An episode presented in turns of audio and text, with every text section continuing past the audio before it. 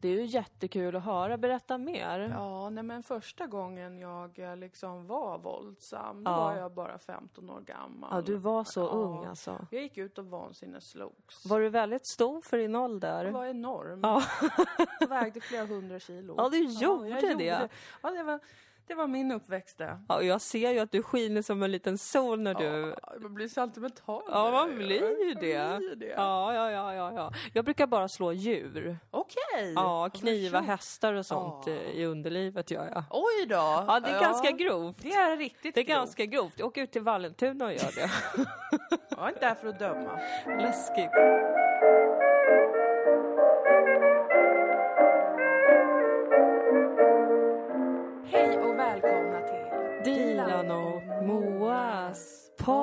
Podcast. Tänk att vi sa det. Tänk att vi förstod vad den andra skulle Det är säga. det som kallas att vara clairvoyant. Ja, ja, ja, ja, ja. Att man kan syns. prata så här Ja, samtidigt som ja, annan ja. Kommer det små änglar till mig, vet du?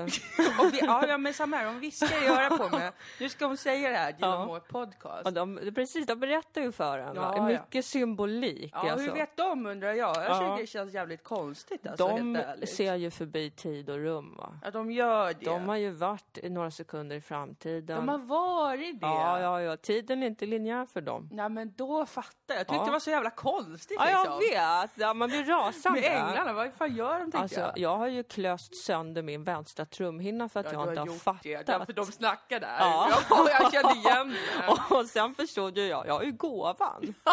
Du är clairvoyant. Ja, jag är clairvoyant va? För fan. Det är roligt att vi pratar om sånt eh, med tokiga röster. Ja, Som för att dölja, att det är det vi på riktigt tror. Ja, båda två. precis. Som två sådana galna enäggstvillingar som går runt i Ja. stan eh, och pratar med Gud. Eh, va? Vad är det för referens, tänker ni? Ja, en helt Ja. vanlig referens från Umeå. Med två enäggstvillingar, typ 80 år gamla tanter. Som var väldigt, Åh, det här känner jag tror, igen. frireligiösa. Jag har berättat om dem tidigare. De, De hade, hade alltid, alltid- helt matchande Ja. outfits. just det, men du sa inte att de var clairvoyanta och pratade Nej, med de, Gud? De var, inte- de var mest väldigt kristna. Ja, vi är ju inte heller clairvoyanta på det Nej, det sättet vi får man väl säga. Ingen av oss. Eller vi alla. Ja, vi alla har gåvan. Ja. Ah, be so sure. Jag tror faktiskt inte på det. Nej. Alltså jag tror inte att alla, jag tror att alla kan ha kontakt med Ja. någonting. Ja. Men jag tror, jag tror att vissa är bättre än andra på att prata med de Det tror döda. jag också. Jag tror att talang av olika slag finns. Ja, medfödd talang. Ja. Nedärvd kanske. Vad jag kallar för Guds hand. Ja, precis. Ja, ja, ja. Kallar det för Belsebub. Ja, du gör det. Ja, jag tror att det är Satan. det är Satan Det är själv. Satan som kommer och viskar. Ja, djävulsbarn skriker. ja, men välkomna till podden, hörni. Ja, idag när vi spelar in är det den 7 april år 2020. Ja. Eh, jag tänkte precis säga, och vilken månad är det? Men jag sa ju just det. Och vilken månad det har varit. Ja, nej, men jag har ju väldigt eh, svårt för att komma ihåg. 7 april för mig säger ingenting. Nej, precis. Så att därför måste jag upprepa att det är april månad. Kommer du ihåg när du fyller år? 23 april. Ja, det är ganska snart. Jag fyller 29 år. Ja. Har du sett vad jag skrivit på kalendern i hallen? Ja, att det är ett master year. Ja, det är det. Om vi överlever Ja, så är det ju, blir det ju ett master year. Om vi överlever pandemin som härjar och sliter Precis. sönder samhället. då kan vi få ha ett master year. Mm. För att 2 plus 9 är 11 då. Mm. Mm. Master number. Ja, som vi båda har, eller? Det är bo... Oj, där tror jag var Guds röst. ja, det... Nej, det var Belsebub igen. Nej, ja, lilla bubbis. Eh, ja, vi båda har precis För att återgå till det allvarliga. Ja, vi båda har alltså life, life path path number. number Ja, precis. 11. Då. 11. Precis, och det är ju ett master, master number. Ja, ja, det tror jag ingen tvivlar på. Nej, det tror inte jag. Och har man tvivel på det, då kan man, då kan man köra upp det tvivlet i röven, säger jag. Jag kommer inte lyssna. Så är det bara. Sån är jag. Mm. Ja, vi sitter här i vårt vardagsrum. Ja, Våren har väl kommit kan man säga. Det börjar Ja. spira, det är väldigt vackert hemma. och det blåser ljumma vindar Ja. i Malmö. Solen kikar fram. Fy fan i helvete, fan vad arg jag var häromdagen. Ja. Jag cyklade Mhm. från Kirseberg Mm. till eh, Norra Gränges ja, för att spela in podcast med Henrik Mattsson. just det. Söndagsakuten. lyssna Som man på. kan lyssna på. Det som... Eh, det är inte som den här podden. Nej, ni har mer kontakt med lyssnarna där. Ja, vi har en chatt och folk Ja. kan ringa in va? Och, och det är jävligt rivigt och bröligt. Lite mer som ett radioprogram Ja, ändå. precis. Mm. Och då skulle jag cykla dit. Eh, Och det var alltså motvind he- hela vägen. Nej, var det Och kallt jag- också? Nej, Nej. inte var det kallt. Nähä. Jag hade ändå på mig vintermundering. Ja. Och jag svettades Fy. och jag skrek, Moa. Jag skrek rakt ut när jag cyklade. Jag pratade i telefon visserligen, Mm. men jag skrek så fula ord Ja. längs med Nobelvägen, för jag var så arg. Ja. Det var länge sedan jag var så arg på motvinden i Malmö. ja, det var ju, jag tror det var förra typ vårvintern i mars eller någonting som det var så gräsligt här. Ja, Alltså det är typ snöslaskvindade, som man säger. ja, Och då hörde jag inte mindre än tre personer skrika rakt ut ute på gatan. ja. Alltså så här, vad är det för jävla helvete? Ja. Skrek någon på sin cykel. Alltså till synes vanliga människor som bara tappade det en Ja. efter en för att det var så, vinden kan vara så obarmhärtig Det blåser åt här. alla håll. Ja, och det är samtidigt. alltid motvind. Ja, Det ska mina memoarer heta om min tid i Malmö. det blåser från alla håll, Nej. är alltid motvind. Cykla i motvind ska den heta. Jävlar. det tänker jag varje gång jag cyklar i motvind. Fan helvete, men det är ett jävla bra namn Det ändå. låter som lite som självhjälp. Eh, ja, det låter lite deppigt kan jag tycka. Ja, lite. Det kanske blir en poesisamling. Ja. Cykla i medvind. Ja, det är Låter bara del två. töntigt. Jaha, hur mår vi då? Jag mår eh, bra. Ja, Det är ju fortfarande pandemi. ja, Fortfarande konstigt. ja. Eh, Men jag, jag tycker om att det börjar bli vår. Och jag är väldigt glad över allt som växer. ja. För jag har blivit en sån kvinna nu och det är väl lite svårt på ett sätt att acceptera men på ett annat sätt så har jag funnit mitt element. ja. Jag är inte bra på att odla och hålla på. Det är du visst. Jag är ganska bra. Jag tycker du är bra. jätteduktig. Men jag trivs något oerhört med det. Mm. Det känns som att hitta hem. Mm. Jag går och gräver och rotar och Ja. sätter olika saker. Och sitter och tittar på det när det börjar växa upp. Ja. Jag har ju skaffat två minidrivhus och planterat zucchini och tomater Ja, och lite stockrosor och sojabönor ja, som jag driver upp då. Så sitter jag och stirrar på dem ja. och ler som en häxa. För det är så sjukt att man bara, man tar ett litet torrt, äckligt, eller inte äckligt, ett Nej, är litet inte frö äckligt, det är helt normalt. och bara petar ner det i lite jord. Det här är ju inga nyheter. Nej. Sen börjar det växa. Jag har inte heller upptäckt det här under karantän. Det är inte som att så här, åh, quarantine lifestyle. Ja, Utan det här har varit en pågående process sen jag eh, också började vara ute på landet mer ju. ja, Att jag kan ha jättemycket växter. Ja. Jag har en trädgård. Så att jag, jag tycker att det är väldigt eh, underbart att Ja. plantera och hålla på. ja, jag förstår det. Mm. Jag, har en, jag går, och känner en väldig sån där, eh, ett vårrus. Mm. ehm, som är att jag liksom känner en sån himla enorm eh, fascina, fas, fascination. Mm.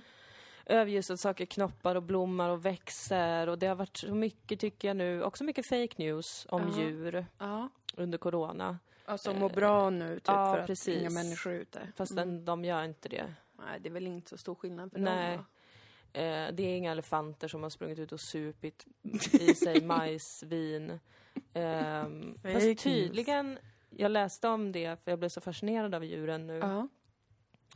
Så, så, så tänkte jag, oj, det här kanske verkligen är djurens tid. För man har Ja. hört så mycket om djur som har tagit sig fram nu då. Och då läser jag i National Geographic Wow. att bland annat då en nyhet om att elefanter hade tagit sig ut till något majsvinställe och Mhm. supit och sen somnat i ett tefält. Mhm. Eh, och bara log och liksom fyllesov. Det var fake news. Det Nej. var för länge sedan. Jaha. Men då var det någon elefantexpert som sa att elefanter älskar alkohol. Och de är väldigt Åh. bra på att hitta det. Och jag älskar elefanter. Ja. Det här gjorde bara mina kärlekskänslor Ja. mycket starkare. Som att det hade gjort dem svagare. Det hade varit jättesjukt Ja, det om var ju jag fick ett tråkigt. moraliskt problem med att elefanter drack. Det hade varit tråkigt från din sida. Men, ja, men jag, känner, jag känner det starkt, men samtidigt så känner jag också eh, så här jättemycket att jag inte vill tycka om naturen. Mm. Bara för att det är så himla mycket nu att alla... Det är så mycket olika tv-program, tycker Jag jag. Där kändisar har liksom köpt något torp. Mm. Det har blivit väldigt stigmatiserat, tycker jag. Att, Att- vilja vara ute på landet. Att alla vill ha som ett enkelt liv. Mm. Har det Men blivit stigmatiserat att för inte i min värld Ja. har det blivit stigmatiserat. ja, för att det är töntigt nu. För, För att det är så all, det är töntigt. mainstream. För att det är så himla, och det här är inte någon ny spaning, jag vet det. Men att det är så himla rika människor som gör det. Mm. Att det, att det är något sorgligt tycker jag över att, för jag, du vet ju att jag känner väldigt starkt att det här är fel. Med? Att leva i en stad Ja, och leva i en lägenhet. Ehm, Jag känner mig som en, en robot Mm. som har blivit in, inkvarterad någonstans och bara ska finnas i ett jättemärkligt system där ingen mår bra för att ingen får vara i kontakt med naturen som vi är en del av. Mm. Jag tycker ju att det är jättekonstigt. Men tyvärr har det blivit töntigt. Mm. För att det är så många rikisar Ja, som är så här, åh jag vill ha det enklaste, simplaste och då ska jag betala jättemycket pengar. Inte bara för liksom eh, kanske ett gammalt äckligt torp som de har råd att renovera. mm. Utan också så ekologisk mat och Mm. Allt lantligt och allt som är naturligt och typ naturvin och sånt. Varför är det dyrt Mm. när det, är, när, det är in, när det inte ska vara det? Ja, Det är något i mig som eh, blir väldigt eh, så här, ung vänster-pretto jag förstår. kring det. Jag förstår precis. Rasande är jag, så att nu sitter jag fast i ett limbo.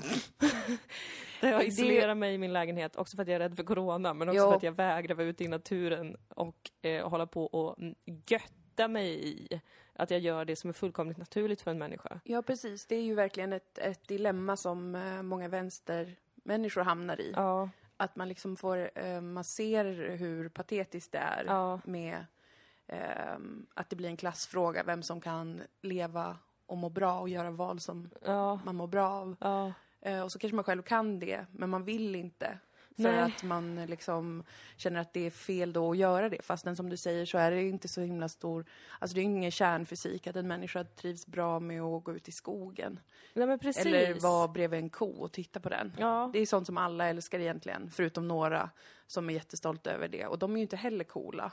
Eh, men vet du vad jag tror? Det här slår mig nu. ja. Jag tror att den här, för jag håller med dig. Jag tycker också att det känns väldigt töntigt med allt sådär Hejsan hoppsan, det vackra livet på landet. Jag är en gammal murad ugn i min gamla lagård där jag ska ha påskfest eller något sånt här va? Ja, Nej tack, känner jag också. ja, Men jag tror att det kan vara så som jag känner inför eh, cannabis. ja, Att mitt största politiska statement som jag har haft i många år, det är att det inte ska vara en grej. ja, För det blir väldigt pinsamt när det är en grej. Och det blir Ja. pinsamt både att vara för det och vara emot det. ja. Som med cannabis. Det är både pinsamt att vara väldigt för och engagerad och så här, det, det är det bästa som pinsamt. finns. Det, det är räddningen för mänskligheten. Jättepinsamt. Det är också extremt pinsamt att vara väldigt emot det. Ja. Och vara så här, det dödar, ja, ja, ja. Alltså, det är väl all, båda, det är lika obekvämt båda ehm, ståndpunkterna. Och lite samma är det med den här eh, land, leva nära naturens grejen. Det är pinsamt att vara jätteför det. ja. För att det blir som skenheligt och det känns så här, det ska inte vara en grej. Nej, Folk ska precis. väl göra det om de trivs med det och det ska inte vara en klassfråga, fixa det någon. Men det är också lite pinsamt att vara emot det, att man är såhär bara jag, jag tycker det är B och töntigt att vara ute på landet, jag ska klubba eller något sånt. Men räddningen för, av det kanske är ju corona. Kanske. För att nu måste ju alla bli bönder. Mm, just det. Alltså antingen, min framtidsvision är det här. Mm. Och, och det tror jag att eh, herr Hansson, som, som jag vet att vi båda uppskattar väldigt mycket Ja. på Twitter, Ja. också faktiskt twittrade om. Att, eh, att vi kommer bara ha lärare, vårdpersonal och bönder, Mm. tror jag hon skrev. Mm. Och jag håller med om det, Mm. med tillägget att vi även ska ha narrar. Ja, konstnär, bohem och liknande. Precis. En liten, ja för det känner jag att jag vill vara, för jag vill inte vara något av de andra egentligen. Nej, jag, jag kan inte vara något av de Nej, andra. Jag vägrar vara något av de andra. Det jag vill vara är någon som går runt med en gitarr på ryggen Mm. på fältet. Ja. Och så ser jag någon som kanske ser lite ledsen ut. Och så ställer jag mig och så spelar jag en, en trudelutt. Ska du ha en luta eller vad heter det? En Jag kanske ska ha en luta. Eller att jag bara sitter inne i värdshuset. Det är en jättetrevlig inre bild jag har. Hur? Det är lite som i Game of Thrones, den liksom stämningen Precis. fast utan det läskiga. Ja, utan att någon vem som när som helst kan våldta mig. Ja, för det vill jag inte. Nej, I den här världen så är det mer så här, ah fan vad trevligt Dilan är och spelar ikväll. Ja. För att alla älskar kultur. Ja. Vi vet ju hur mycket alla älskar kultur. Ja. För mycket älskar de kultur. ja, det kan också bli pinsamt. Vem som det helst kan diskussion. komma undan med vad som helst. Ja. För att de är duktiga på eh, konst av Ja, just det. slag. Det var ju din spaning med, Med R. Kelly. med R. Kelly. Ja. Ja. Om man sjunger som en ängel så får man våldta folk. ja, det är inte en enligt uttalad människor, inte enligt mig. Nej, såklart. Det är ju ingenting vi står för i den här podden. Absolut det är mer en inte. samtidsobservation. Ja. Men alltså, jag tycker det låter jättetrevligt. I den här eh, utopin, Ja. som jag väljer att kalla det, Ja. där kommer du då spela, kanske du är en narr så, eller mer en trubadur tycker jag det låter som. ja, jag skulle jättegärna vara en trubadur. Jag skulle vilja vara en oljemålare. Ja. Det tråkiga är att i den här världen, om det blir sådär mainstream med att alla vill kolla på konst, Ja. typ, då kommer jag vara tvungen att göra bara naturmotiv. Jag kommer inte få göra så här. Alltså jag kommer behöva bli bra på riktigt. Nej, men nej, det tror inte jag. Tror du inte det? Jag tror att eftersom att alla kommer vara ute i naturen hela tiden så kommer de ju den. se den jämt. Då vill de se så här, kan inte du göra en tolkning av den här drömmen? Ja, fan vad nice, för det tycker jag låter mycket roligare. Ja, ja, ja. Ehm, faktiskt. För jag vill inte typ stå och måla en fruktskål och ett träd men varenda dag. gud vad tråkigt. Jättetråkigt. Åh. Men jag vill ha på mig en sån stor vit målarhatt. Ja, Eh, målarhatt. Eller är det en kock som har en sån hatt? Ja, I, min, I min inre bild så såg det jag mig var själv i en exakt sån, den inre bilden jag fick av dig. men en sån pösig hatt. Ja, som hänger lite Ja. på sidan. Ja, precis. Ja, det är franska kockar som har det tror jag. Ja, men kanske också jag då. Ja, jag Ja, men inget kan stoppa dig. Nej, jag är kanske en jätteexcentrisk konstnär i den här Ja. eh, framtidsvisionen. Du kanske till och med målar med mat. Oj, ja det kan jag göra. Med betor och sånt. Ja, För att jag odlar mina egna rödbetor. exakt. Oj, oj, oj. Och så kanske jag ser en målning du har gjort. Ja. Och bara...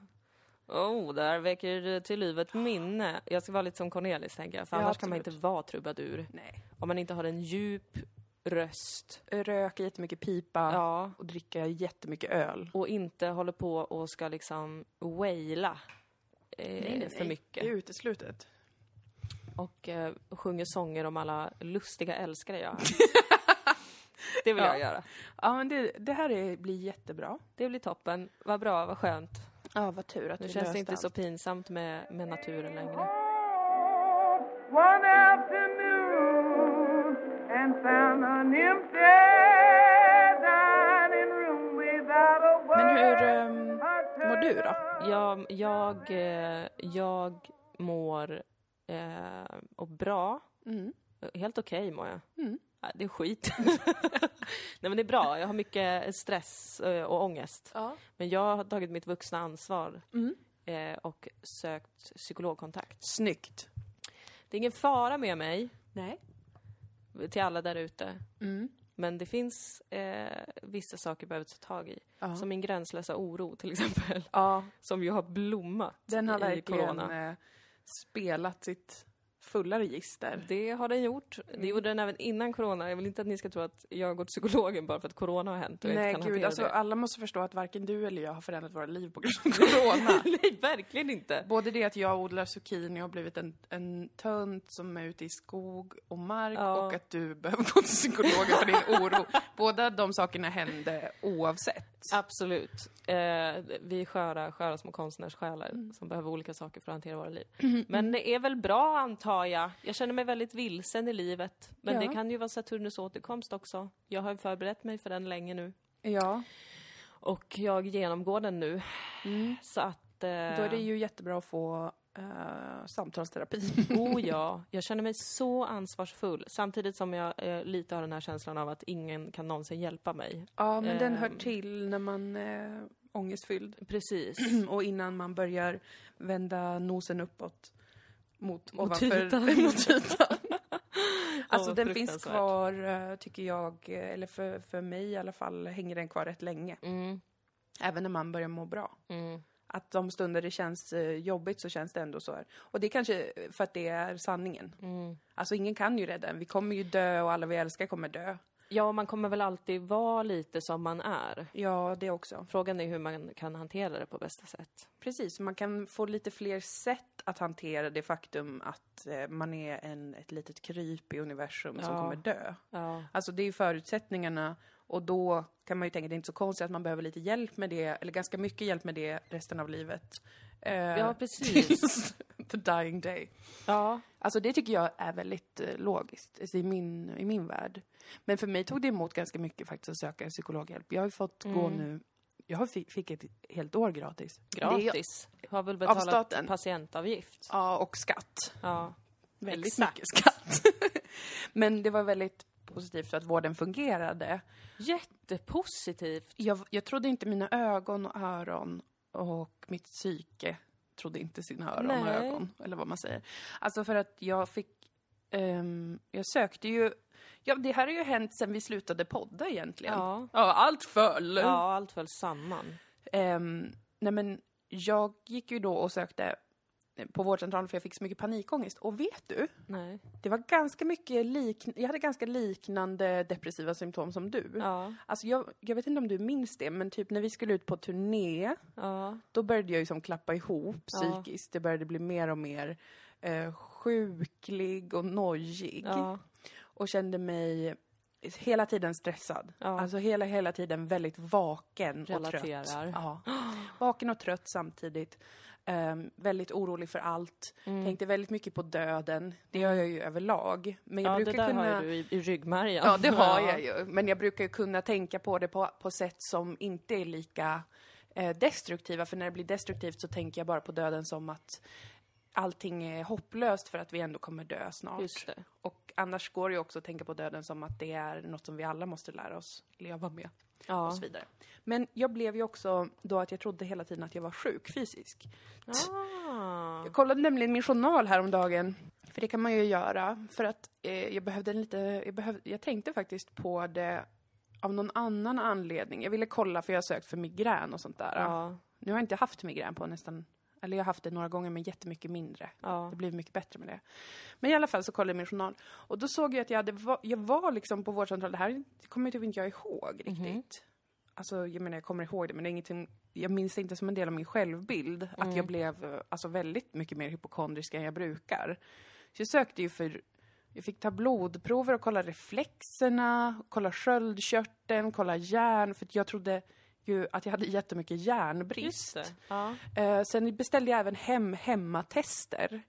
Som jag även eh, kollade min egen, alltså betalade typ 400 spänn för att kolla, för jag var säker på att jag hade någon brist eller någon sjukdom. Alltså att det var någonting som var fel fysiskt Det här på känner mig. inte jag igen. Ibland är jag orolig att du beställer hem, att du, alltså, att du är liten shopaholic. Att du beställer hem jättemycket saker utan att jag vet om det.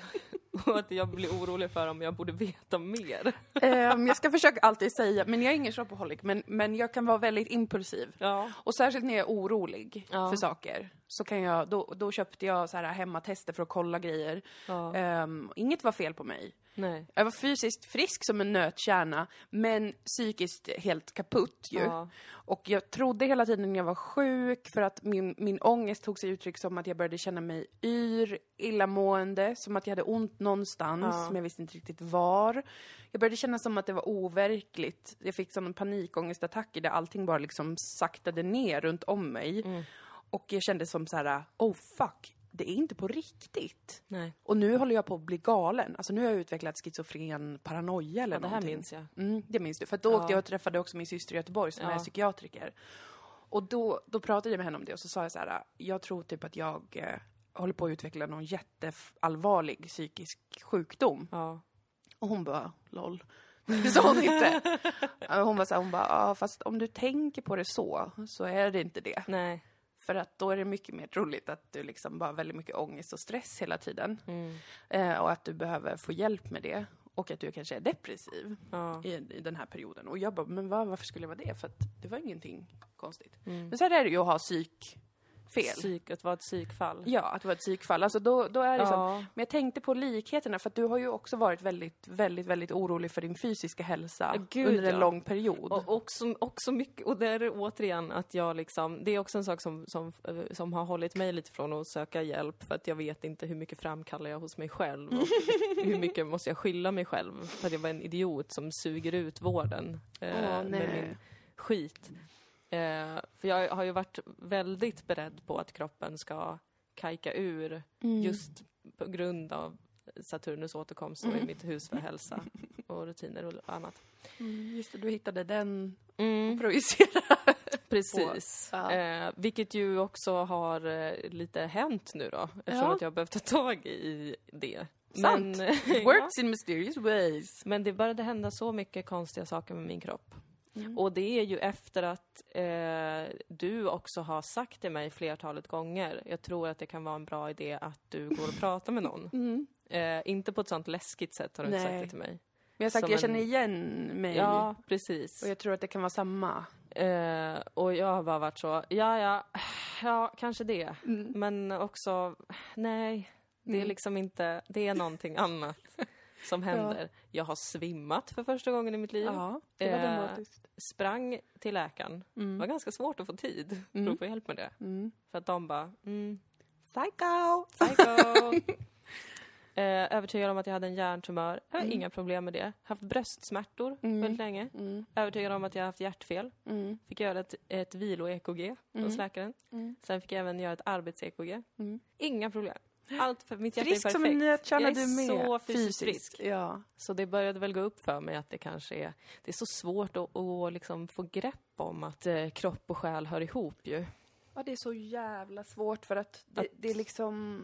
Det är så motvilligt. Jag vet inte varför man är så... Men det, eller så är det bara, det är inte motvilligt utan det kanske bara är att det krävs liksom någon form av fysisk, psykisk erfarenhet av att det är det. För att Ja. man faktiskt ska ta in det. För att, att någon säger det till en, Jag har varit så yr. ja Så yr, så yr. precis, det är ju ofta en sån diffus typ av Ja, ångest. ja visst. Jag tror att jag tänker lite att, men om jag eh, mår dåligt Mm. Dels har jag ju stängt mig för det här med att man ju, eh, att många vänjer sig ju. Mm. Eh, man har haft ångest länge. Mm. Eh, att det blir det nya normala och så tänker man inte så mycket på det och tänker att allt är som det ska vara. Fast Ja. det inte behöver vara så och så vidare. Mm.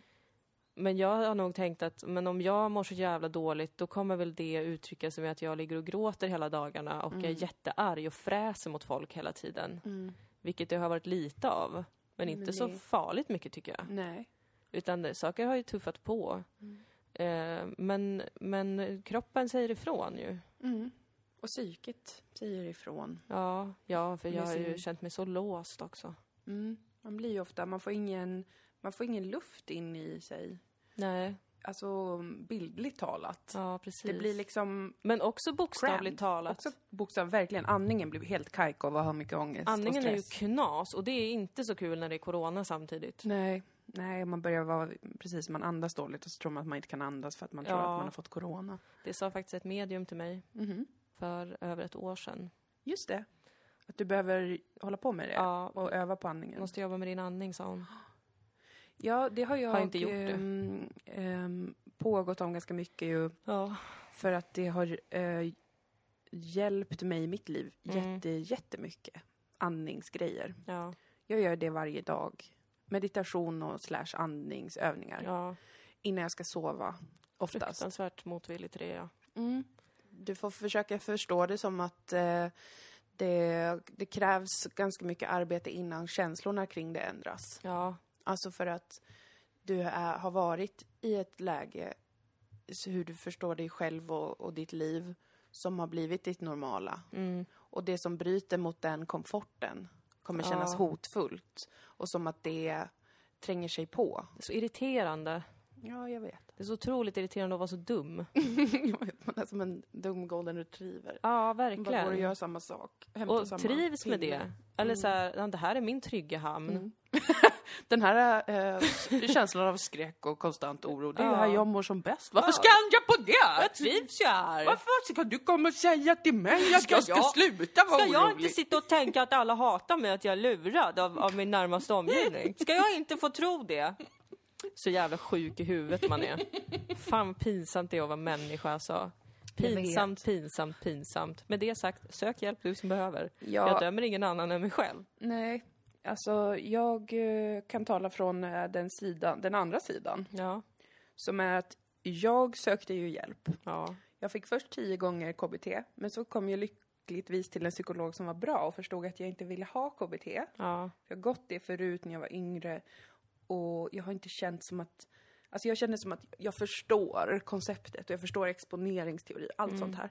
Men det har liksom inte riktigt um, känts som att det gör någonting för mig. Nej. För att det är en till sak som jag känner som att jag kan förstå men inte emotionellt liksom ta in riktigt. Och då, det kanske var liksom också en signal i efterhand att jag var, har varit och är kanske mer intresserad av att förstå ehm, mitt psyke och mina reaktioner och sånt där på ett djupare plan. Mm.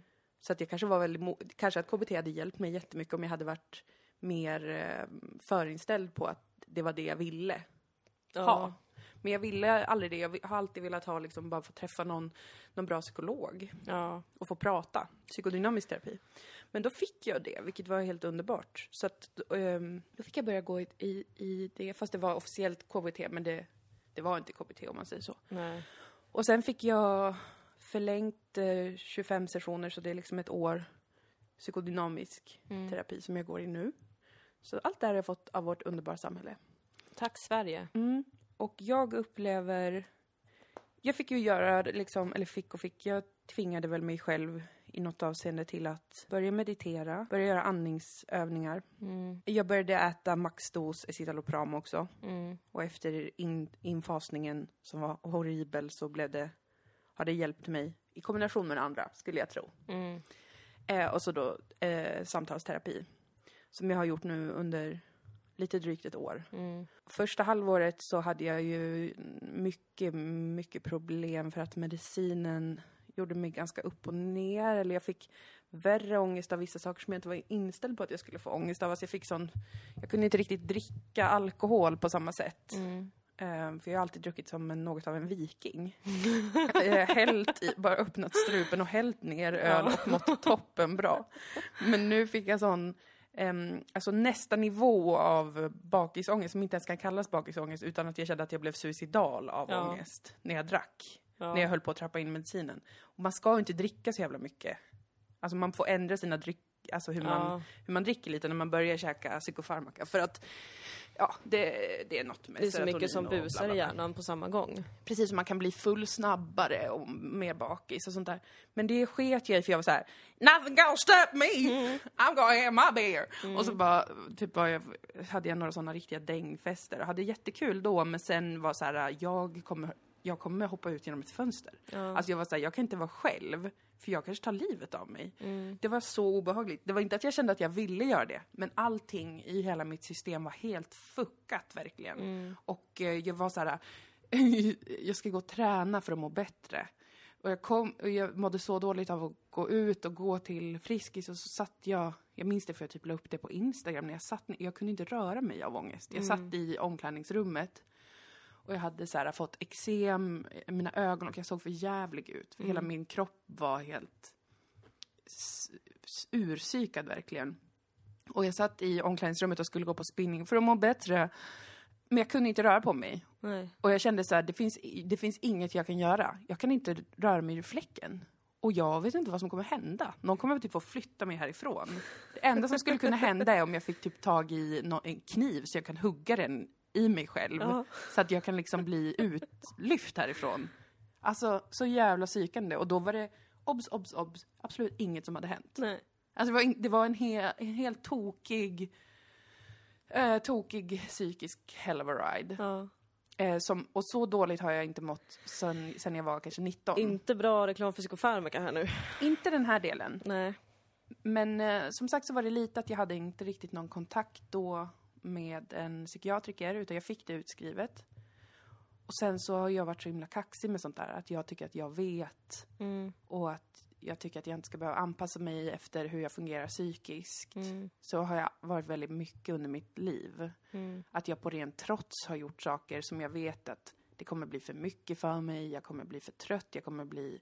Ja, och så har jag gjort det ändå. Mm. Så det här var liksom som det sista, tror jag, Sista trotsen. ja, sista riktiga jävla trotsen. Att jag bara mm, sparkade på mig själv så inåt helvete under några månader. För att jag också började med den där medicinen och Ja. tänkte att det ska inte jag egentligen behöva, typ. Det här är humbug. Mm. Alltså, så himla mycket som var in action. Så det var riktigt hemskt i början, kanske två, tre månader. Ehm, men sen eh, så har det blivit mycket bättre stegvis. Och jag är väldigt, väldigt lycklig över det. Och det har varit flera olika saker som jag tror har hjälpt. Men alla har ju sin egen resa med det där. Det är också det som är svårt att säga vad som kan funka för mig. Behöver inte nödvändigtvis vara det som hjälper någon annan. Och, Nej, precis. men, men eh, jag hade verkligen eh, behov av att eh, få hjälp att sakta ner, det vill säga gå i terapi, sakta ner saker. Och sen också med meditation och andning, att, att också sakta ner. Mm. För att jag eh, har tidigare försökt sakta ner genom att inte göra saker. Så att i perioder med mycket ångest har jag inte gjort någonting. Mm. I princip blivit helt eh, stillastående och låst. Bara inte kunnat riktigt gå ut eller inte känt för någonting och sådär.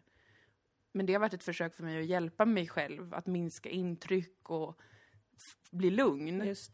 Men i själva verket så har det inte kommit åt kärnproblemet som är att jag rent psykiskt, mentalt inte vet hur jag ska kunna återhämta mig och lugna ner mig. Mm. Så det har det hjälpt mig mycket. Så det har varit min lilla resa senaste året och nu känner jag verkligen att jag eh, ehm, mår så som jag tror att jag skulle ha mått mycket mer i mitt liv om jag hade fått rätt hjälp tidigare. Mm. Inte så här att jag eh, är, känner mig, känner någon bitterhet eller sorg över det faktiskt. För att det har varit mitt lilla liv. Mm. Det har haft sina grejer och det kommer fortsätta ha sina grejer. Men jag förstår nu vad det är som betyder att inte ha mycket ångest. Det ska jag också få förstå snart. Jag hoppas det, för att jag tycker att jag var rädd innan att det skulle vara en stor del, och det har jag pratat med min psykolog mycket om, att jag, jag identifierade mig så mycket med det. Ja. Som att det är det som gör mig till den jag är. Men det tror jag många gör. Ja, det tror jag är vett, vettevanligt. Ja. Jättevanligt. Ehm, men det kan jag också med glädje meddela att det inte alls känns som. Ja. Utan jag har alla bitar av mig själv. Det är inte som att någonting har försvunnit. Det, det är mer att vissa av de delarna som, som, som gjorde mig som mest eh, rädd och paralyserad, de har jag fått, fått hjälp och kommer behöva få hjälp med antagligen resten av livet för att jag har en sån hjärna. Så det, det kan också vara skönt att veta att inte, i alla fall inte för mig, känns det inte som att så här, vem är jag nu? Är jag bara någon så här bloggare som bara, åh vad mysigt livet är. ja. Som att det skulle vara så hemskt, men jag tycker verkligen det verkar hemskt. Men det är inte så. det är bara det att jag inte blir paralyserad av skräckkänslor och eh, ångest lika ofta. Precis. Och det har gett mig möjlighet, eller det har ju faktiskt gjort att jag har kunnat vara mer kreativ och jag har känt mig mer eh, liksom sugen. Ja, för det saknar jag som fan. Mm. Att, eh, att hitta den kreativa lusten. Mm. Att inte känna oro, ångest och press kring Mm. att skapa saker, oavsett om det är för jobbet eller bara på sin fritid. Det tycker jag är en underskattad del av att få hjälp med sin ångest. Man Mm. tänker att kreativiteten kommer ur den där uh, the darkness. Mm. Fast darkness är extremt passiviserande. Verkligen. Det hämmar en för att man tror att allting alltid står på spel. Mm.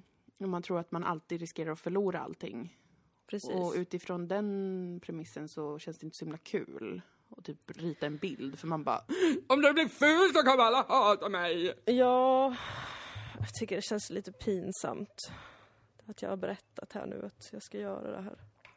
Ja men eh, det, det är okej. Det får kännas pinsamt. Det är inte pinsamt. Jo, det var det här jag ville prata om. Um, jag vill inte podda mer för jag tycker du är svag Ja, att jag inte psykiskt. klarar mig själv. Det Ja. förstår ju jag är liksom att du blir skrämd av det. Att jag bara inte kan rycka Ja, upp mig. alltså jag sökte, när vi började jobba med varandra, sökte efter en stark person. Ja, en stark Så- kvinna. Ja, en stark kvinna, en förebild. Ja. Och så sitter jag här med någon slags liksom blöt fläck till människa. Fy fan. Nej, jag tycker inte att det är pinsamt. Jag bara tycker att det är pinsamt att berätta om det för främlingar. Fast Ja. jag av princip inte tycker att sånt ska vara pinsamt. Nej, jag vet. Men det här är ju... Tvärtom. Ja. Är jag stolt över mig själv? Mm.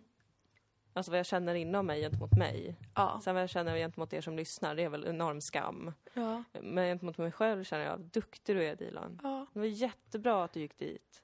Det- Och det kommer vara lite jobbigt, men du kommer vara så glad sen. Ja, och tänk vad många som kanske lyssnar på våran podd som själva har eh, perioder med jättemycket ångest eller som är i en depression eller som är i en stark eh, jobbig fas. Ja. Eh, Att det kan vara väldigt skönt att höra att det liksom inte är hela universum och man är inte ensam. Nej. Och det är ganska ofta så att vara människa. Ja, men det blir bra det här. Det blir Det bra. blir bra. Det Det, blir är bra. inte menat att det ska vara lätt. Nej. Nej. Eh, vi har ju också eh, utlovat att berätta om vår relationskris. Den går ju lite hand i hand med, med psyksnack kan man ju säga. Ja, För den involverar ju bådas våra psyken. våra, våra arma små psyken som ska leva tillsammans. Ja, precis. Ja, det var, det var en tuff period här under Ja, Eh, början av 2020. jag är stressad nu. Jag känner som att jag påför alla liksom vårt, eh, vårt privatliv. Ah, ja, men vi behöver inte prata mer om det. Jag känner också sån skam över att fortsätta det här med att vi lovar saker som vi inte håller sen. Men nu har ju det kanske blivit våran USP. Ja, kanske det. Vi är fuckpods forever. Ja. Ja. I'm like a little lost sheep and I can't har en programidé som jag vill berätta för dig. Jag berättar. Det, det är ett program som jag tycker är ganska kul i min fantasi. Mhm. Du vet att jag har kollat ganska mycket på Masterchef. Mhm. Väldigt mycket har jag kollat på Masterchef. Extremt mycket. Jag är besatt av det programmet. Ja. Eh, Mästerkocken tycker jag är ganska tråkigt. Ja, svenska grejen. De vet ingenting, de kan ingenting. För att de är inte Gordon Ramsay. Nej. Eller Man de, lär sig ingenting. man lär sig ingenting och de är bara så här, ja, det är gott. Jag söker lite mer elegans. Men suck! Gå någon annanstans och leta efter det. Du hittar Ja, inte i det här du kommer aldrig hitta det amatörkocksköket. här. du kommer Ja. aldrig hitta det i Sverige. Kan du steka kött? God potatis? Ja, det är gott. Eh, jag gillar lite mer Masterchef i USA och Australien där de är så här: wow, vilken intressant idé. Det jag hade velat att du skulle göra är kanske att du hade tänkt efter lite mer kring proteinet på det här sättet och eh, syran på det här sättet och platingen på det här sättet. Ja. Eh, och att de verkligen är så här: wow, din kultur. Du måste ta med, de är så besatta av att få folks liv på tallriken. Ja, just det. Så det är dels, det är dels Masterchef va? Och sen så är det ju lite en, en blick åt alla de som älskar true crime. Oj, Eh, för det är ju väldigt populärt nu. det är det verkligen. Jag tycker inte att det är så intressant. Inte jag heller. Men folk älskar det. Ja. Ha, då tänker jag att det ska heta eh, Murder Chef Oj. eller eh, Mästermordet. Oj, båda bra titlar. Ja, och då är det så här... Murder kom- Chef är den amerikanska och Mästermordet Ja, precis. är svenska. Och då kommer alla in så här och så är juryn så här Wow, välkomna! Idag så ska ni få en utmaning eh, som kanske är att eh, ni ska eh, göra något som påminner om er bakgrund. Mm. Och i skafferiet så har vi flera olika slags människor som inte Nej, har någon aning om vad de gör där. Nej men Dilan, det här är inte lagligt. Jag var jättespänd för jag trodde att det här skulle vara någon sån mord till bords grej. Eh, vadå? Alltså, Du vet när man har en teater som är, man går och äter middag med vänner och så är det en teater där man löser ett mord också. Nej, en kul det är det absolut Nej, inte. utan det är en kannibalshow. det är inte alltid karnevalshow. Eh, nej. Det- Men du menar ändå att det ska vara det ibland? En utmaning kan vara, idag ska du eh, mörda åt en kannibal. Nej men det, Och ska tillaga köttet. Men du byggde Då upp är- mina förhoppningar så oerhört mycket med de här titlarna. skafferiet är liksom, det är folk av eh, olika liksom eh, kön och hudfärg och religion men och kroppstyp. alltså det finns en enorm bredd. för att det är master, det är murder chef. Det kan inte heta murder chef för man måste inte alltid laga mat. Ja, okej. Eh, Ibland bara mördar man någon besinningslöst. ja! Jag hör att du måste få akut psykisk. Jag kommer få dig inlagd efter det här avsnittet. Och då får man gå in och ta en människa, och det är folk som tror att de kanske ska vara med i någon så här gallupundersökning eller Ja, någonting. som man har mördat. Ja, precis. Och då väljer man ut sin person. Och sen har alla sin personliga stil på hur de mördar. Det kanske är någon som har kommit in för att den har gjort ett så underbart strypmord. Nej men, Och det kanske är någon som är specialiserad på att bara mörda kvinnor. Nej, men- Det kanske är någon som kommer från södern och bara mördar svarta. nej men vad fan! som i USA. Ja. Och då kanske de är så här, och sen så får man presentera sitt mord. Mhm. Och vara så här, ja men den här personen har jag mördat på det här sättet och sen så har jag styckat den och sen så har jag gjort mig av med kvarlevorna på det här sättet. Och så gör de så. Ja, jag tycker att du kanske kunde ha lite mer elegans i utförandet. Det här är... Och så kanske det är någon som bara mördar barn. Nej men det är Och inte en bra programidé. Och Jag måste sätta de stopp. Jag kommer inte köpa det, Du det här är jättebra programmet. på att mörda barn och jag älskar att du, eh, att du kanske har det i arv, att hela din släkt har varit barnamördare. Kanske en sån änglamakerska. Och så är den ena juryn så, och det är Gordon Ramsay för han älskar när folk tar med sig sin historia på Ja, tallriken. det. Mm. Han är så, jag älskar att du liksom verkligen helgar ditt arv, att du fortsätter mörda barn. eh, och att du gör det på olika sätt. Och så kanske det är någon annan i juryn som är så här, ja fast jag vill se lite mer bredd från dig. Jag, jag vill se dig mörda en vuxen. Eller jag vill se dig mörda en vit person. Eller jag vill se dig mörda en kvinna istället för bara män. Och sen är vinnaren den som verkligen är bäst. Ja. Ehm, Det här har jag gått och tänkt på.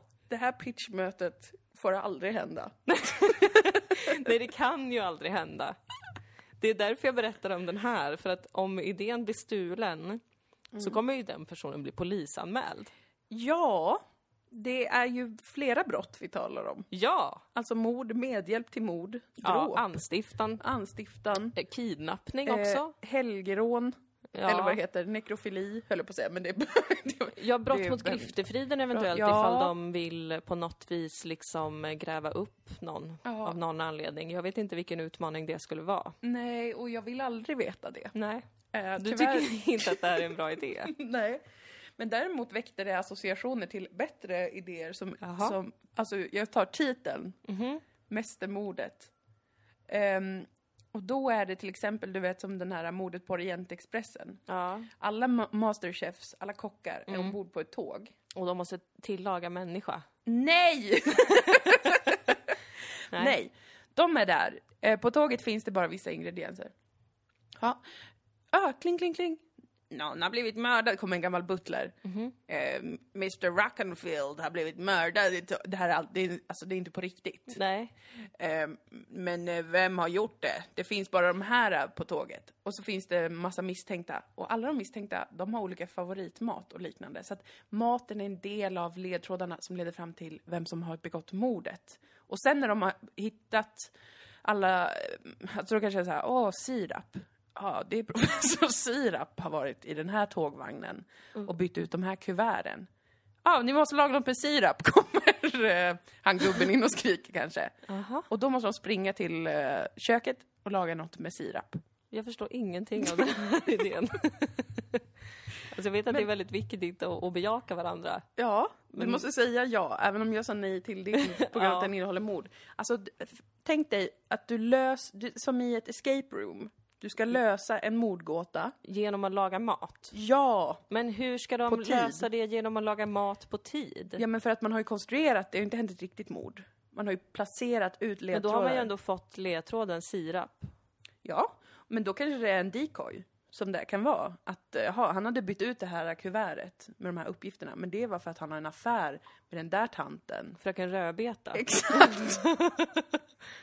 nu, nu snackar du mitt språk! Ja, jag tycker så här. Då. Vi går tillsammans till SVT. Och så pitchar vi våran varsin, varsina idéer. Båda så- under titeln Mästermordet. Och så ser vi vad de nappar på. ja, okej. Deal! Må bästa kvinna vinna. Bjud in oss genast Jan Helin, eller Ja. vad det heter, våran chef. Ja, just det. Precis. SVT's Vi mamma. kommer. Vi kommer på studs. Don't you wait up! Ska vi också prata om Gift vid första ögonkastet då? Ja, Ja, lite modefälld efter senaste avsnittet kände jag. jag med. Kanske var därför jag hade så mycket ångest när vi skulle spela in. För att jag hade tittat in i deras små liv. Ja. Det verkar som att Elina och eh, Albin har, har bonkat bäver som du sa. Snäskat kotte som jag sa. De var väldigt Ja. touchy-feely. De var mer, eh, precis, de verkade lite mer eh, gosiga Och hon var lite mer mjuk, Ja. Som en kvinna blir. Efter att ha fått älska med en man. Ja, Ja, precis. det, det, jag blev väldigt arg, återigen. Mm.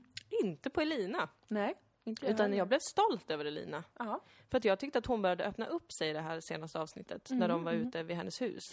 Och hon pratade om det att livet känns som att springa ett långt, långt lopp. Ja. eh, Och vara i slutmålet och så vidare. Men ledsen över att det kändes som att det är första gången hon någonsin pratar om den känslan. Jag hoppas hon får göra det mycket. Jag är glad att hon gör det. Ledsen över att, nej, arg över att ehm, psykologen som de också pratar om det här med inte tar tag i det. Nej. Utan återigen lägger över allt på Albin. Ja. Att det alltid ska vara sådär. Ja, men det jag behöver är någon som gör motstånd och jag är ett jävla brinnande eldklot. Men om man tar sig igenom den skärselden, då kan man få ta del av min kärlek. Och att psykologen bara, ja, kan du göra det då? Du kan du väl ta dig igenom det? Aldrig någonting om att så här, ja fast du kanske också kan. Mm, mm. Vad är det som gör att du inte vågar släppa in folk där? Ja.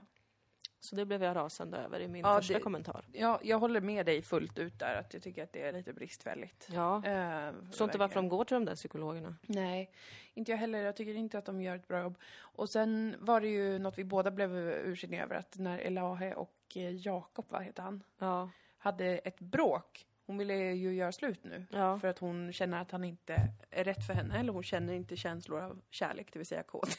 ja. Ehm, och så hade de ett bråk, och då mutade de bråket. Precis att när vi- det började bli intressant. Precis när det började bli intressant. När man ville veta vad säger de, hur, hur ser det ut när man kanske går upp i effekt. Ja. Det är spännande, man vill höra. Ja. Då mutades ja, det. hon ställde ju en väldigt rimlig fråga. Ja, Att liksom, varför ser vi så olika på det här? ja, Varför kan, om vi båda nu går runt och inte har de här känslorna för varandra, ja. varför kan du, Jakob, ändå känna att vi kan ha roligt med det här och försöka in i det sista och varför känner jag att jag behöver bryta redan nu? Mm. Exakt det Ja. hade man ju velat höra deras samtal om. ja. Man hade velat att en av psykologerna eller terapeuterna hade kanske väglett dem i det samtalet. Precis, det hade ju varit underbart. Vi fick inget av det. Fick inget av det. Det kändes deprimerande. Ja, Som att de missar målet. ja. Man vill ju förstå Ja. saker om människor och relationer och dynamik. Inte att det ska mutas så fort det blir en känsla. Nej, det tyckte jag var kränkande. Jag Mm. hoppas att det beror på att de medverkande aktivt har sagt vi vill inte att det där ska vara med. Ja, så kan det i och för sig vara. För att om det är produktionen som har mutat det där så tycker jag att det var ett tjänstebrott. Ett brott mot lagen om hur man gör gift vid första ja, ögonkastet. absolut. Och jag höll ju för första gången med också eh, psykologen med det tokiga håret. Inte Satu, hon har Nej. också lite tokigt hår. Ja, man är med busigt hår. Ja, men han eh, som vägrar inse att han är flintskallig. Ja. Han talade väldigt fint om attraktion tyckte jag. ja, precis. Att det är en reflex. Ja. Och då säger LAE, ja antingen så finns det där eller så finns det inte där. Och han bara, nej! Mm. Så är det inte alls det. Mm. Utan det är en reflex som sker när Mm. någon trycker på rätt knappar hos dig. I huvudet. Ja, precis. Ja. Det tyckte jag var fint sagt om Jo, attraktion. det var, ändå, det var ändå rätt så... Mm, för att vara gift vid första ögonkastet var ju det rätt djuplodande. Ja.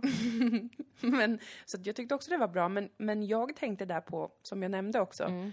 att det där, skulle, det där såg man ju tydligt vid, redan på bröllopsresan Mm. som de var på det paret, Elahe och Jakob. Att när de skulle ha någon slags massage Åh, så blev hon väldigt obekväm. otroligt obekväm. Och väldigt eh, stelfrusen typ. Mm. Så att, där var det ju uppenbarligen att hon kände sig inte fysiskt attraherad, hon kände sig till och med fysiskt obekväm i närheten av honom. Ja. Ehm, i, det, I den settingen. Alltså med, hon, hon kände sig inte attraherad liksom. Och jag tror att en sån erfarenhet för tidigt i en, i, en sån där, i en sån där relation, men i en relation, det tror jag man, att man låser sig så grovt efter. ja. Alltså att det inte får hända eh, organiskt utan att man säger nu ska ni massera varandra typ. Fastän hon var så här, det känns inte bekvämt, det känns inte bra. Eh, jag tror att det är jättesvårt att, att, att uppbåda attraktion för en person som man har delat den erfarenheten med. Ja. För att det var ju, hon var ju så här ändå att hon var ju med liksom och skulle ändå göra rätt så här, antagligen lite tvingad av produktionen. Mm. Men jag, jag tänkte på det då att det, det där äh, är inte alls bra. Och att det inte togs hand om heller. De, Nej, det är ju det Ingen som är problemet. någonting om det. Det Ingen tas psykolog. inte hand om och det kan man ju förstå att det kanske inte tas eh, hand om av just Jakob. Eh, eftersom att han inte förstod det. Nej, och han var uppe i sig själv och oroad av att bli avvisad som han ju märkte av jättetydligt att han blev. Precis. Och hon, de hade ju ingen tillit enda hon kunde vara öppen med det mot honom kanske. Nej. Också Mm. för att man är artig och så vidare och så vidare. Ja. Så det är mycket sånt där som, som jag känner mig lite snuvad på terapikonfekten. ja, precis. Och det är ju... ehm, det är ju lite... Vi har ju i säsong två av Sodom Mm. så har vi ju ett tema, eller en båge, Mm. som handlar om att inte vara attraherad av den man är ihop med. Eller dejtar, eller vad det Mm. än är. Ehm, som vi skämtar jättemycket om. Men det kom ju lite av att vi pratade om, om vad som skulle kunna vara roligt, liksom. Eh, något som inte känns så gjort när det kommer till relationer och sådär. Mm. Och särskilt då för min karaktär i serien som är en väldigt eh, statusfixerad och och eh, liksom, hon är lat och hon vill gärna ha en snabb väg till någon slags topp. Mm. På universitetet är det ju hennes fall. Då pratade vi mycket om det och bollade vad som kan vara vad som kan ge upphov till roliga situationer som man Mm. kanske inte har sett förut. Och då eh, började vi skriva på en, en berättelse för henne där hon eh, blir uppvaktad ju av en väldigt högstående filur Mm. på universitetet. Som hon väldigt gärna vill vara tillsammans med för att hon får status av det. Mm. Men hon blir inte kåt på honom. Mm. Jag har en liten erfarenhet av en, en sån situation från när jag var kanske i 20-årsåldern och jag lite grann jag hade någon dejtkille eller vad man säger. Som jag liksom, jag var så girig över att jag fick så mycket ragg. Så att jag liksom fortsatte träffa honom kanske två, tre gånger. Fastän jag från sekund ett kände så här. Mm. Och jag vet inte varför. Han var inte en otrevlig person. Han var inte så himla skön heller. Men jag kände verkligen ingen fysisk attraktion till den här killen. Men jag var girig. Alltså jag tror verkligen att det var att jag var girig. Jag kände mig Mm. hög på att vara um, uppraggad. Jag Ja. hade några olika på gång. Sådär. Och, jag minns väldigt tydligt den fysiska känslan som är så stark när man inte känner sig attraherad av någon som är som plötsligt är liksom alldeles för nära. Och man känner så här: nej, nej, nej, nej, nej, nej, nej, nej. Ja. Utan att den har gjort något fel. Han var inte någon äcklig metoo-kille. Det var inget sånt. Det var jag som på ett sätt liksom försatte mig i och höll kvar mig själv i den situationen. Av giriga andra skäl. Inte för att jag var ett offer och en stackars flickebarn som inte visste bättre, utan för att jag var på en powertrip Mm. med min eh, sexualitet. så att det, och då, den erfarenheten upptäckte jag ju senare i samtal med massa olika vänner och sådär att många har. Ja. På olika sätt. Och det tänkte jag på i också Gift vid första ögonkastet. Ja. Det är någonting intressant med det. Alltså, kan man förändra den ja, känslan? Har det hänt? Och i så fall, vad är det som, som förändrat det? Min upplevelse är ju att när det börjar kännas så, som att man faktiskt är äcklad, typ, ja. Av någons fysiska närvaro. Inte för att den är ful och äcklig, alltså inget sånt. Det bara kemiskt funkar inte. Precis, det bara skär sig och det verkar inte göra det från bådas håll. Nej. Vad, vad det är för någonting och hur man kan förstå det och sådär. Det, det tycker jag är ganska intressant. Och eh, jag tycker, tycker lite synd om henne att hon inte fick, alltså i, eller i Giftet vid första ögonkastet, att hon inte fick någon rikt, att hon inte får något riktigt gehör för att det verkar vara en ganska jobbig... Då blir det ju alltid den där istället att man bara, men jag har inte starka känslor för dig, eller typ jag känner bara vänskap. Precis. Men det är ju svårt det där tycker jag för att alltså dels är det ju ett, ett supermärkligt format för henne ju. Mm. Alltså att det, är, mm. man dyker in i ett äktenskap och det, det finns ju en stark förväntan på att det ska funka. Mm. Så att den delen adderar ju lite till Mm. problematiken. Mm. Men det känns ju också rimligt någonstans att tänka att man förtar lite av kärlekens magi Mm. om man ska behöva konstruera en attraktion. Ja, visst. Att eh, om man känner så att jag inte är attraherad av dig så är väl det ett ganska självklart svar på att vi ska kanske inte vara med varandra. Mm. Samtidigt som det ju lika gärna kan handla om att man själv inte öppnar upp sig. Det är det som jag tycker är, är det krångliga här. För att det finns ju ingen the one, tror jag. Nej. Eller gör Eller det gör det det? det? Helt. Vad är kärlekens magi? Ja, vad är kåthetens magi? Ja. Det finns ju en del forskning på det, verkar det ju onekligen som. Med, Ja. sådär, med typ beröring och med ögonkontakt och med saker som kan göra att... Men det, det måste ju ändå komma från en grundvilja att ha det tillsammans med en person. ja.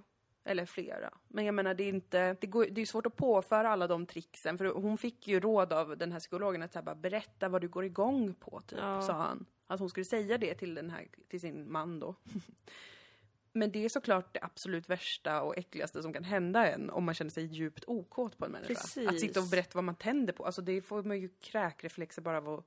Alltså för att det blir så himla stark fysisk reaktion att så här, inte, vi vill inte gå dit, vill inte överhuvudtaget vara i den typen av situation med den här Nej, människan.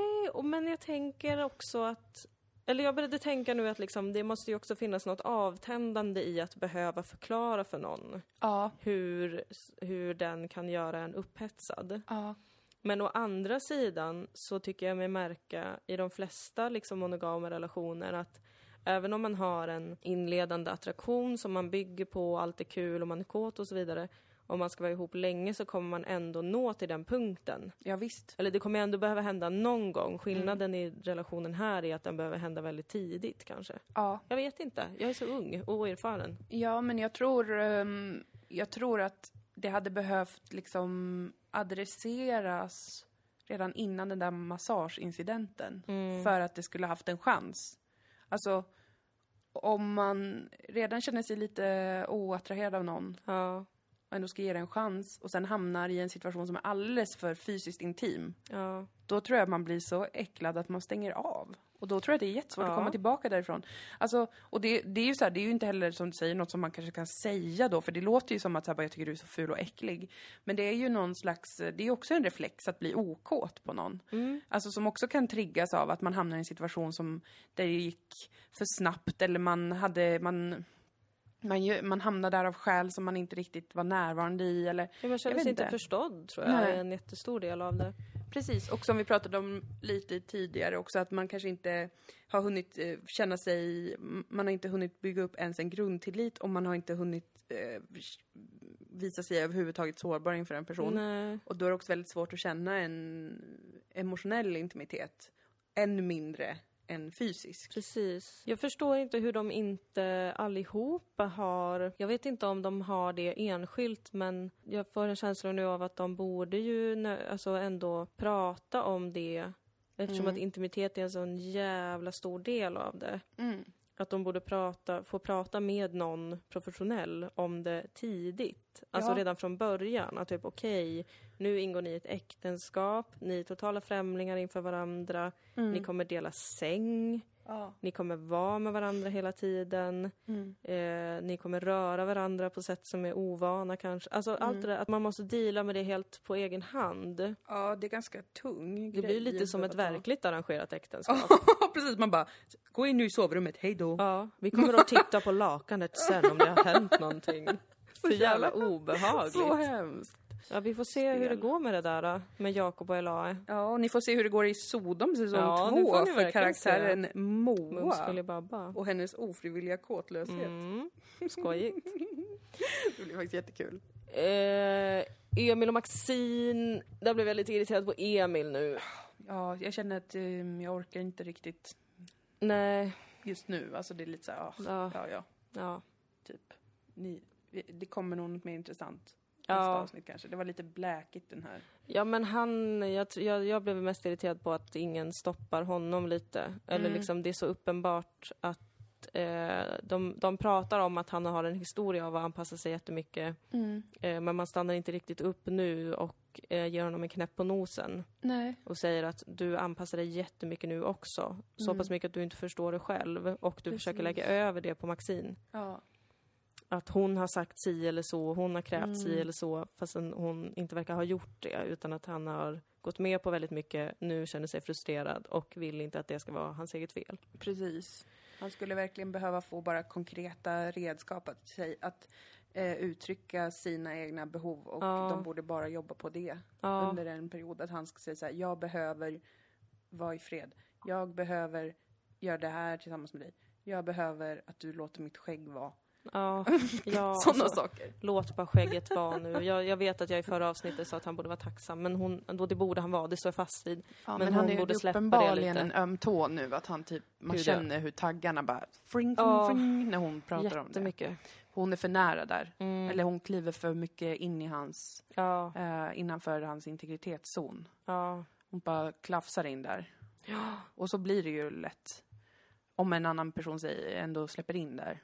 Ja, precis. Och då uppstår ju en sån där anpassningsgrej. Han behöver eh, värna sina gränser bättre. Ja. ja, vi får se om han löser det. Vi får se. Ja, det var det Det var det. Händelserikt, eh, innehållsrikt avsnitt. Ja, verkligen. Jag är så hungrig nu. Ja, ja, men vi har tacos kvar Ja, från igår. gott. Yummy, yummy, yummy. Taco tisdag. Tack alla nya på Patreon. Eller några stycken var det nya. Är det sant? Jag tror typ tre, fyra nya s- supporters på Nej, Patreon. vad roligt! Tack för att ni ger av era dollars. Patreon.com snedstreck Dilan och Moa. Där kan man sponsra oss. Tack, tack, tack, tack till er som gör det. Ja, tack. Eh, och eh, vår serie har premiär den 28 april. Mm, börja peppa Ja, inför det, är redan nu. snart alltså. Mm, det är snart. Jävligt snart. Det kommer förhoppningsvis, jag ska försöka klippa ihop lite teasers. Jag Ja. håller på att klippa ihop en reel som kommer komma ut sen. Ja, Ja, jag är så taggad på den. alltså det är så kul. Jag längtar. Hashtag längtar. Ja. Men då hörs vi om en vecka då. Det gör vi! Ja, hej Puss, puss, hej! Hejdå. hej.